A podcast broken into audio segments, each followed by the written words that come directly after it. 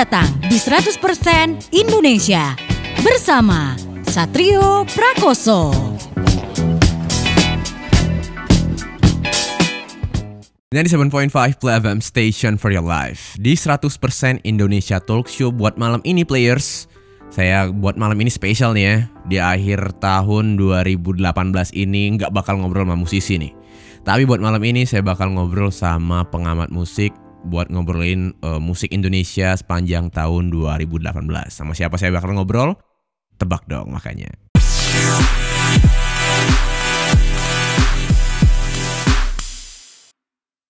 97.5 Play FM Station for your life. Di 100% Indonesia Talk Show Players buat malam ini saya udah bareng uh, seorang um, jurnalis musik ya dan sekarang sudah menjabat sebagai editor in chief dari Billboard Indonesia. Ada Mas Adip Hidayat di sini players. Halo Mas Adip. Hai, halo. Halo. Apa kabar players semuanya? Nih uh, Mas Adip uh, mulai tertarik di dunia musik dari uh, kapan sih?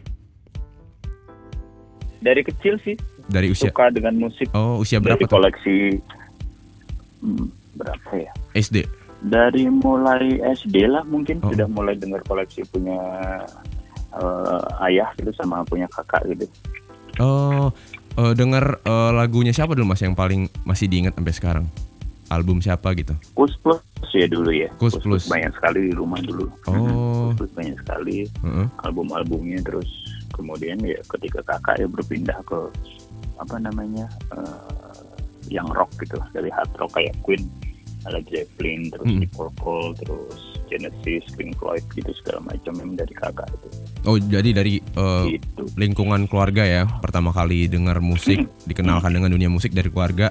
Dan uh, kalau dulu pernah coba buat uh, main uh, instrumen musik gitu, Mas? Dulu eh, pas kuliah eh, pernah iseng bikin band gitu jadi Mm.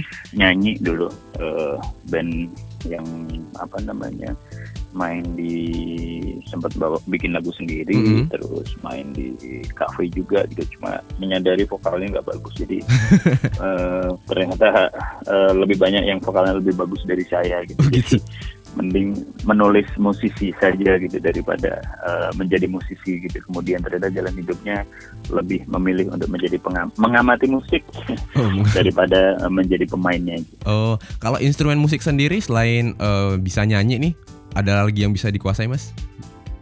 nggak bisa saya nggak bisa alat musik Oh, nggak bisa main alat musik lain, berarti cuma bisa mainkan alat musik sebagai vokalis aja ya? Oh, waktu ngeband dulu itu eh, di era kuliah berarti Mas ya? ya zaman saya kuliah di Bandung di Unpad gitu jadi eh, acara sekolah sering eh, kampus suka bikin acara terus Mhm. ya iseng bawain lagu-lagu eh, siapa waktu itu ya bawain level 42 bawain Police bawain. Sting New Wave lah rata-rata New Wave eh, tapi kemudian ketika Prodigy eh, naik ya bawain Prodigy Sweat bawain Sweat The Cure gitu Mhm. jadi karena era alternatif masuk kan gitu Oh, gitu. Terus eh, apa nih yang bikin Mas Adip jadi memutuskan jadi bulat banget tekadnya buat eh, berkarir di industri musik tanah air sebagai eh, seorang pengamat musik atau jurnalis musik? Eh, gara-garanya sih apa namanya eh, skripsi harus segera beres waktu itu. Terus apa namanya eh dulu kuliah memang sastra Inggris tapi jarang sekali saya menulis gitu. Oh, jadi ketika apa namanya baru baru skripsi itu kemudian eh, saya suka nongkrong di sebuah perpustakaan Kristen gitu di Bandung namanya Salam Hidup di daerah Dago dulu dulu jadi ritualnya kalau saya ke sana baca koran mm, eh, pas kepikiran rakyat koran lokal itu terus saya nyebrang ke Aquarius gitu. mm, mm. Eh, lihat rilisan CD yang nggak bisa dibeli karena mahal kan terus kaset gitu kan kan jadi mana yang bisa dibeli sebulan kali gitu dari situ cuma dari situ kemudian sering ke perpustakaan itu si yang jaganya suka nanyain suka musik iya gitu. kuliah eh, di sastra Inggris gitu. nggak ada kaitannya ya gitu kata dia gitu Terus Padahal bisa lo dikaitin itu dari kaset yang kamu beli itu bisa kamu tulis gitu. Oh iya juga ya gitu. Dari situ mulai kepikiran untuk eh, menulis apa dari kaset yang saya beli gitu. Saya ingat waktu itu kaset The Best and the Doors terus habis itu beli ke nggak sengaja di toko Loak itu di Bandung beli uh, bukunya Jim Morrison judulnya No One Here Gets Out Alive. Jadi Hmm. dengan modal kaset The Best, The Doors dan buku itu saya uh, nekat menulis sebuah artikel dan dikirim ke pikiran rakyat Hmm, terus dan langsung dimuat. gitu. oh langsung dinaikin ya artikelnya. Jadi tulisan pertama saya di publish di media itu tentang The Doors gitu. Karena dulu sempat mau bikin skripsi soal analisa puisinya Jim Morrison gitu. Jadi saya dulu suka banget sama Jim Morrison sama The Doors gitu. Oh. Dari situ apa namanya? Oh ternyata enak juga nih ya tiap minggu ngirim tulisan akhirnya dimuat terus gitu. Oke per artikel berapa ya? 75 ribu sampai 100 ribu. Wih, tahun berapa tuh mas? besar karena tahun sekitar tahun 9 berapa ya? 97 98 ya perkiraan. Udah dimuat tuh ya Eh, sorry, artikelnya. 9899 kalau nggak salah. Oh gitu. Era, era reformasi Heeh, lah, era reformasi ya. sebelum reformasi gitu. ya. Jadi dari situ apa namanya mulai mulai sering menulis akhirnya karena tulisan sekali dimuat kirim lagi dua dimuat dua gitu. Oh, langsung akhirnya naik terus ya. suka iseng Heeh. Mm-mm. karena kan pasti saya punya pikiran kalau di sebuah media ketika ada sebuah tulisan pasti kan tidak mungkin ketika kita mengirim 4, 5, 6 tulisan semuanya akan ditulis akan dimuat kan Heeh, gitu. heeh, ada yang di di makanya suka ya. Waktu itu uh, uh, tetap nulis banyak saya saya sampai 6 sampai ya 5 sampai 6 gitu tiap minggu gitu tapi kan kadang minjem KTP temen di kampus gitu untuk uh, menjadi nama dari yang saya tulis itu. Jadi semua saya nulis tapi Mhm. memakai nama misalkan Adi Hidayat dua terus uh, Budi Susatyo uh, tiga gitu. Terus yang lainnya Rini satu gitu. Jadi Yang nulis? harapannya semuanya biar dimuat. Yang nulis satu ada nanti- satu orang yang ya. nulis satu saya. Yang nulis satu orang. Ya harapannya supaya semuanya dimuat kan? Oh iya Cuma iya. dimuat tinggal mereka saya kasih uang jajan aja gitu. jadi akhirnya wah eh, atau ada menipu maaf eh, harian pikiran rakyat kalau dulu saya suka menipu. Tapi tapi itu semua tulisan saya tapi memang eh, meminjam orang lain supaya Pinjam nama doang ya. supaya ah, pinjam nama doang gitu. Jadi supaya dapat duit banyak yang biasanya dapat seminggu dapat 75 sampai eh, berapa? 150 ribu akhirnya bisa sampai 300 sampai 400 ribu Duh, gitu. dua kali lipat ya. Itu yang besar gitu. Iya karena dulu uang saku dari eh, apa namanya rumah aja sebulan kalau nggak salah berapa ya 500 lah sebulan Wow, 500 perak. tahun ini itu jadi Oh, oh. 500 ribu Oh, 500 ribu. 500 ribu Hmm. 500 ribu jadi eh, paling enggak cukup besar ya Iya, lumayan lah mas ya. kayaknya untuk seminggu dapat 300 400 kalau kalau kalau sebulan kan bisa bisa sampai satu juta satu juta dua ratus. Iya. melebihi uang saku. Jadi itu mulai mulai berpikir bahwa oh ternyata ini bisa menghasilkan dari hobi yang saya geluti ternyata bisa menghasilkan eh, apa namanya eh, income juga gitu. Awalnya dari situ. Oke. 97.5 Play FM Station for your life. Masih di 100% Indonesia Talk Show Players Buat malam ini spesial. Saya ngobrol eh, nggak sama musisi Tapi sama pengamat musik nih. Sama Adip Hidayat nih Editor in Chiefnya dari Billboard Indonesia. Halo Mas Adip. Halo. Halo nih. Eh, Gimana nih Mas kalau menurut Mas Adip Perkembangan musik nasional selama tahun 2018 ini? 2018 ya? Heeh. Kalau menurut saya sih eh, teman-teman dari wilayah independen gitu sudah benar-benar bisa memiliki bargaining power yang besar untuk bersaing dengan nama-nama populer gitu ya. Hmm. Dalam arti eh, mereka menjadi headline dari berbagai macam festival, Mm-mm.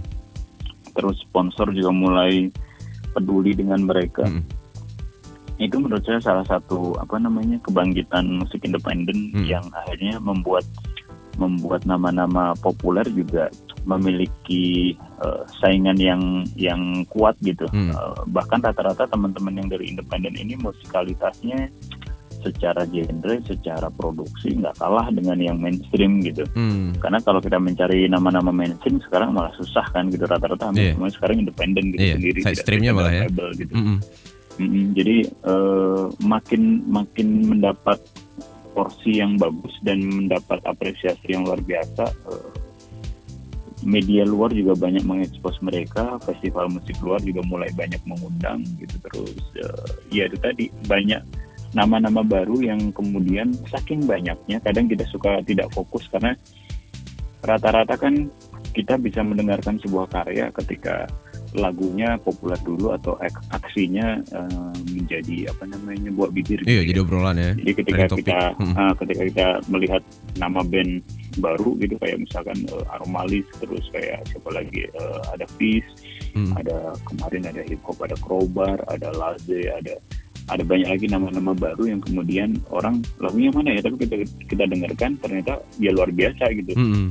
Jadi pada pada akhirnya mereka memiliki segmentasi penggemar sendiri, eh, sementara ceruk yang lain tetap ada penggemarnya. Jadi masing-masing memiliki apa ya audiens yang ketika hadir di sebuah festival kadang mereka suka beririsan gitu. Hmm. Oh ternyata eh, apa musiknya musiknya Kunto Aji ternyata ada juga yang seperti Kunto Aji ya terus menemukan misalkan ada ada coba ada eh, nama baru yang musiknya mirip sama kayak dia terus Hmm. kalau hip hop juga ternyata selain Ramen Girl kemudian ada ada banyak sekali namanya kayak tadi saya bilang ada Laze gitu dari yang senior juga ada Hmm. Ucok Komisat bikin eh, apa namanya eh,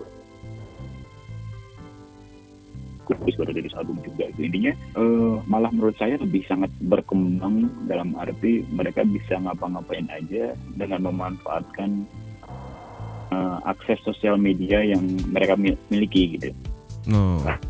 Gitu ya kalau buat 2018. ini eh, Hmm. aset sosial media Hmm. itu menjadi menjadi media platform promosi yang bahkan lebih power medianya gitu power media sama gitu kan kebalik dulu orang promo ke media karena supaya di, diberitakan Hmm. kan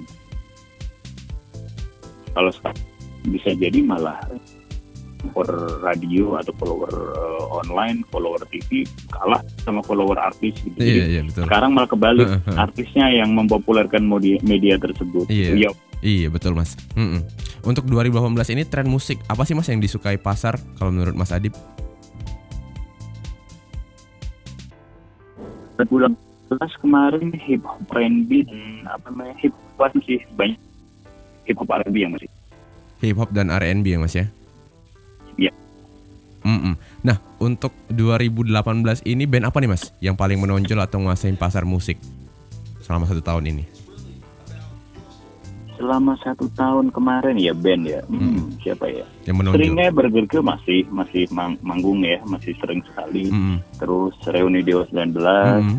Slang masih, terus siapa lagi ya? Eh, Kunto Aji masih, Hmm. Ran, Mm-mm. terus eh, ya eh, Isana masih karena dia juga main film gitu ya. Mm-mm. Tapi di kancah independen juga banyak gitu kayak misalkan ada ada Fish, ada tadi kita bilang ada eh, Anomalis gitu, ada ada Laze, ada ada Ramen Girl, ada banyak nama-nama baru yang eh, apa namanya kayak personal GAC banyak yang kolaborasi gitu Mm-mm. dengan ada Glenn Halif dengan ya banyak sekali nama-nama baru yang Muncul ya? bahkan Hmm. sekarang suka suka bingung kita aduh eh, ini lagu kapan nanti akan diputar di radio dan kapan menjadi sesuatu gitu intinya mereka pada akhirnya berkarya dengan eh, terus menerus tinggal bagaimana strategi supaya lagu dan album itu sampai kepada audiens itu sebenarnya pekerjaan eh, yang sangat susah sekarang gitu jadi kalau dulu kan susahnya kan berkarya dari single album itu pekerjaan susah tapi sekarang bagaimana supaya karya itu sampai ke Pendengar. masyarakat itu yang jauh lebih susah Hmm. saat ini karena pilihannya banyak kan Mhm. gitu Oke, nah untuk lagu terbaik nih 2018 menurut Adib Hidayat lagu apa nih? 2018 lagu terbaik ya Mm-mm. hmm, pertanyaan sulit sebentar saya con- contek dulu lagu-lagu saya saya saya tiap Jumat rajin mengumpulkan lagu-lagu baru yang saya taruh di Spotify saya jadi ada ada apa namanya ada banyak kandidat Oke, boleh dicek untuk. Aji mungkin ya Kunto Aji, lagu apa, Mas? Aji yang aduh wait wait wait wait wait wait, wait, wait. Salah satu ya Oh, iya. Eh, kelihatannya saya nggak bisa menyebut paling menonjol deh cuma menurut saya yang salah satu yang menurut saya paling menarik ya aduh aku nggak lupa itu ke kelemahan sekarang ketika kita suruh menyebut sebuah lagu itu akhirnya karena ya itu tadi Single. lagunya banyak sekali Iya. akhirnya Mm, mm. eh, Singlenya- Saudade sorry Saudade Saudade Sauda deh. Ya. Sauda deh dari, dari album Mantra Mantra dari Kunto Aji ya. Kenapa pilih lagu itu, Mas? Eh suka saja komposisi aransemen segala macam gitu Oh, suka oke. Kalau album terbaik Albumnya siapa mas? 2018. Eh, album terbaik, hmm, itu juga susah. Juga. Saya sebenarnya dari, dari sampai sekarang belum memutuskan. Tapi sudah ada uh, sepuluh, sudah ada beberapa Kandidat ya? kandidat Oh, sih. oke. Uh, jadi kayak uh, apa namanya, uh, Fish masih Hmm.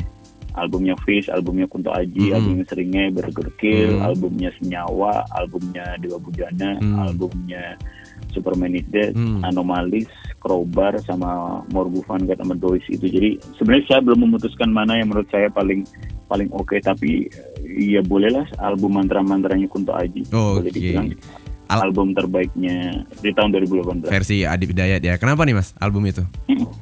Yang bikin sangat matang Hmm. dan secara lirik juga sangat kuat dan eh, Kunto Aji kayak menerobos ke level yang lebih tinggi dari debut albumnya gitu Hmm. dari mulai lagu sulung rancang rencana pilu membiru topik semalam rehat Jakarta Jakarta konon katanya saudari sampai bungsu itu benar-benar disusun dengan sangat apik gitu Eh, saya termasuk yang beruntung sebulan sebelum dulu sudah didengarkan album ini jadi eh, apa namanya eh, lebih lebih menyimak lebih lama gitu eh, dibandingkan yang lain mungkin gitu jadi eh, dan ketika saya selalu apa namanya bertanya gitu di Instagram atau Twitter rata-rata memang mereka menjawab bahwa album ini yang terbaik gitu baru berikutnya mereka menjawab ada si Fish, ada Sini, ada Burger Kill, ada ada si God sama Dois tadi kayak gitu. Hmm, Oke. Nah, ini eh, buat yang terbaik 2015 yang terakhir nih konser nih Mas. Konser apa nih 2015 yang paling keren dan berkesan banget buat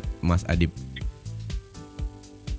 Konser yang berkesan eh, musisi dalam luar? Di 2018 sih. Musisinya 18, Heeh. oke. bebas sih Mas. Kalau lu- kalau luar mungkin Judas Priest ya. Hmm, Terus kalau dalam ya Slang kemarin di GBK gitu. 35 tahun ya. Ke. Judas Priest ada apa tuh Mas? Kejadian apa emang yang bikin berkesan banget? eh berkesan karena bisa ngobrol sama mereka langsung, Oh. Eh, terus bisa foto, juga dengan berlima, terus buat ngobrol dengan si vokalisnya dan apa ya salah satu band favorit saya dari saya SMP lah gitu saya udah dengerin mereka dari dulu gitu Akhirnya kesampean ya. Hmm. Eh, ada kejadian apa aja waktu konser Slang sampai berkesan banget? ya kalau sih saya eh, sebuah pertunjukan hmm, apa namanya kedua setelah proses yang di stadion yang baru direnovasi ya Mm. setelah Asian Game kan pertama main kan Guns N' Roses gitu. Mm. Terus kemudian yang jadi secara tata suara pilihan eh, apa namanya setlist dan apa namanya cara produksi juga luar biasa bagus gitu Hmm. sampai saya sampai satu setengah jam berdiri paling depan sih Hmm. sama Pak Menteri Karya terus Mbak Yeni Wahid sama Wisnu Tama terus sama Kepala Lapas Pak Pak Suhartono eh, nonton apa, di depan Mm-mm. di paling depan gitu. Dari 7.5 Play FM Station for Your Life Masih di 100% Indonesia Talk Show Players bersama saya Satrio Prakoso Dan saya udah bareng Adib Hidayat di sini Players Sudah ngobrolin banyak banget tadi Mas ya Dari eh, Ya. zaman dulunya sampai bisa tertarik di dunia musik Terus juga perkembangan musik nasional selama tahun 2018 ini ya Tapi saya penasaran nih Ya. Rilisan fisik yang pertama kali dibeli dulu eh, Rilisan dalam bentuk apa sih Mas? Format apa albumnya siapa? Kaset dulu. kasetnya kasetnya siapa? Kaset dulu dua ada Rush albumnya Rush ada trio dari Kanada pengusung prog rock eh, judul albumnya Show of Hand terus satu lagi Metallica album Red Lightning kaset Oh, tahun berapa tuh, Mas? ah, tahun berapa ya itu SMP SMP. SMP kelas kelas dua apa tiga itu mungkin sekitar tahun berapa ya 90-an ya Oh, kalau nggak salah. 90-an. Kalau dari eh, Mas Adib sendiri nih, secara personal nih, siapa sih musisi yang karyanya paling berkesan? Yang ngasih impact gede banget gitu loh ibaratnya. Siapa ya yang paling besar ya impactnya? Mungkin salah satunya Led Zeppelin ya saya suka mereka. Hmm, kenapa tuh, Mas? eh ya secara musikalitas secara uh, musiknya secara ya paduannya dan bagaimana mereka menjadi sebuah apa namanya grup yang sampai sekarang orang masih mendengarkan gitu. Uh, dan apa namanya karakter vokal dari Robert Plant itu yang yang sangat saya suka gitu jadi Hmm. tipikal uh, rock yang kemudian banyak menginspirasi band kayak The Sigit gitu terus kayak siapa lagi ya kelompok penerbang roket Hmm, gitu. hmm. dan band-band rock yang era sekarang rata-rata dengan vokal melengking rata-rata menjadikan Led Zeppelin sebagai idola gitu Hmm. ya melihat mereka menjadi satu kesatuan utuh saja gitu ketika drummernya meninggal mereka tidak pernah Manggung lagi ya. eh, apa namanya eh, manggungnya manggung Hmm. reuni reuni sempat reuni dengan Hmm. eh, Anaknya ya. drummer anaknya Nah, tapi apa namanya ya sebagai sebuah band mereka masih tetap cult gitu masih tetap keren gitu. sama kayak Black Sabbath atau Queen gitu walaupun sudah tidak utuh tapi masih tour dan masih karyanya masih eh, apa namanya di, di, di- dicermati gitu gitu Oh, oke. mungkin selain Led Zeppelin ya itu The Beatles ya Hmm, hmm, hmm. nggak bisa dipungkiri bahwa apa namanya ya mereka ibaratnya seperti musik klasiknya di wilayah pop gitu Iya betul. Nah kalau dari sepanjang karirnya Mas Adib Hidayat nih ya di industri musik, momen apa sih Mas yang paling membanggakan secara personal? Pencapaian secara personal apa tuh yang paling bikin bangga gitu? eh mungkin salah bukan salah satu ya eh, dipercaya untuk menemani Presiden Jokowi untuk menemani beliau hadir di With the Fest 2017 dan 2018 gitu. Oh gimana tuh ceritanya tuh Mas? Bisa sampai dikasih ya kesempatan itu? banyak sebenarnya tinggal tinggal di browsing ceritanya banyak sebenarnya. Hmm. Tapi pada intinya itu menurut saya salah satu apa namanya hal yang hobi saya mendengarkan musik, hobi saya menulis musik menjadi profesi akhirnya diakui oleh eh, presiden untuk menemani dia untuk nonton konsernya gitu. Oh, Ya kan, oke. untuk konser musik maksudnya. Mhm. Jadi kalau gitu Fest tahun lalu kan sampai tiga jam tuh saya nemenin dia. Mm-mm. Terus eh, eh, tahun 2018 kemarin sekitar berapa ya? Eh, satu jaman lah menemani eh, Presiden Jokowi di Gitu Fest. Itu mungkin salah satu yang menyenangkan ya gara-gara musik akhirnya Hmm. bisa menemani Mm-mm. Presiden orang nomor satu di Indonesia untuk menyaksikan musik dan saya bisa membantu menjelaskan dia apa musik yang sedang berlangsung di atas panggung itu. Oh Kayak gitu. gitu. Tuh gimana tuh Mas pas pertama kali di, dikasih tahu gitu kalau mau ditemen nemenin Bapak Presiden?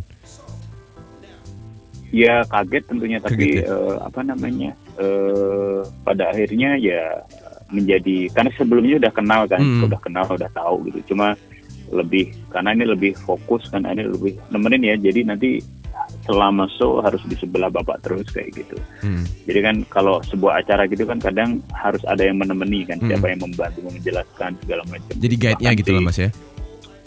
Iya guide-nya Hmm. gitu. Eh, orang Ismaya yang apa namanya penyelenggaranya pun malah di belakang gitu. Ini malah nggak enak gitu karena kan mereka sebenarnya yang gitu. gitu. Oke. 97.5 Play FM Station for your life Masih di 100% Indonesia Talk Show Players bersama saya Satrio Prakoso dan juga Mas Adib Hidayat di sini Players. Nih kalau menurut Mas Adib nih tantangan terbesar di industri musik sekarang apa sih Mas? Soal copyright, soal Hmm. eh, pentingnya publisher eh, waktu itu saya sempat talk show dengan eh, salah satu di antara kalian ngomongin ini juga. Hmm. Eh, pentingnya me- apa namanya menjaga data digital kita terdaftar ke musik publishing yang jelas gitu. Jadi Hmm. ketika nanti misalkan penciptanya meninggal atau hak ahli warisnya masih bisa memonetize dan mengurusnya gitu. Hmm. Atau misalkan nanti dibawakan oleh penyanyi lain atau kita nggak tahu lagu yang pernah dihasilkan itu akan menjadi apa kan Hmm. uh, di cover untuk menjadi film, terus menjadi iklan, produknya banyak sekali gitu. Jadi harapan saya uh, musisi pencipta lagu uh, mulai mendatakan lagu-lagunya ke musik publishing yang jelas gitu.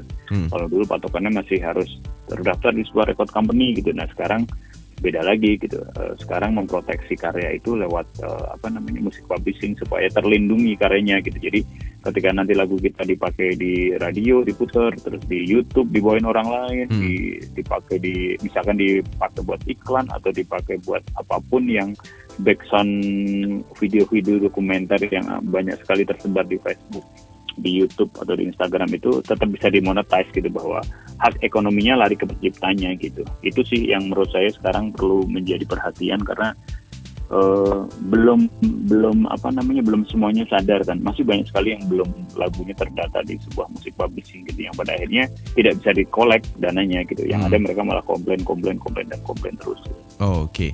Nah, kalau menurut Mas Adib sendiri nih di 2019 nanti kira-kira gimana nih Mas tren musiknya? Kalau saya bilang sih tidak akan mengalami perubahan sih ya Hmm. hip hop R&B hip hop metal Hmm. eh, jazz masih akan memiliki hero nya masing-masing Hmm. jadi eh, yang namanya genre akan selalu itu itu saja walaupun fokusnya nanti akan ada oh, eh, Oh, Oke. Nah, di 2019 nanti nih kalau bisa milih Mas, pengen nonton konsernya siapa nih Mas? 2019 pengen nontonnya konser siapa Hmm, kalau yang mau datang ke sini kan ada John Mayer ada Ed Sheeran ya Sheeran pengen sekali nonton Hmm. di GBK ya mm-mm. Kalau yang belum ini Mas, belum belum belum tahu nih, belum tahu bakal konser sini atau enggak. Pengen nonton konser siapa nih Mas? Eh, salah satunya di Page Mode Oh, di Page Mode. ya Oh, berarti oh buat 2019 tuh Mas ya. Kalau bisa kesampaian tuh gitu goalsnya ya. kesampaian betul Nah. oh ya sama satu lagi Slayer Slayer, oke. Hmm. Ini eh, terakhir nih Mas, apa sih pesan-pesan untuk generasi muda zaman sekarang nih yang sedang ataupun akan berkarir di industri musik nih? Eh, menurut saya sih kalau memang fokusnya kepada karya ya harus merilis karya eh, yang baik gitu Hmm. karya yang bisa dipertanggungjawabkan gitu tapi tidak semuanya orang eh, menjadi penyanyi atau pemain musik gitu. Banyak rockstar di belakang layar yang juga apa namanya bisa dipelajari gitu. Menjadi manajer artisnya Hmm. eh, menjadi sound engineer-nya Hmm. me- apa namanya banyak hal yang bisa dipelajari gitu. Misalkan mau menjadi eh, wartawan ya misalkan gitu. Jadi eh, banyak yang bisa kita apa namanya geluti yang tidak harus kita menjadi penyanyi di megang mic atau di depan panggung. Tapi orang-orang yang berada di di balik layar juga banyak sekali yang eh, dibutuhkan gitu. Itu sih. Oke. Itu tadi ya players. Makasih banyak Mas Adib Hidayat. sama-sama. Oke terima kasih player 97,5 PFM Palembang. Oke, kalau tadi players. 100% Indonesia Talk Show bersama dengan Adib Hidayat. Dan jadi sekaligus eh, penutup ya 100% Indonesia Talk Show untuk tahun 2018 dan di tahun 2019 nanti yang jelas saya bakal ngobrol lagi bareng musisi yang lain. So, Satrio Prakoso signing out. Have a nice night and have a nice play.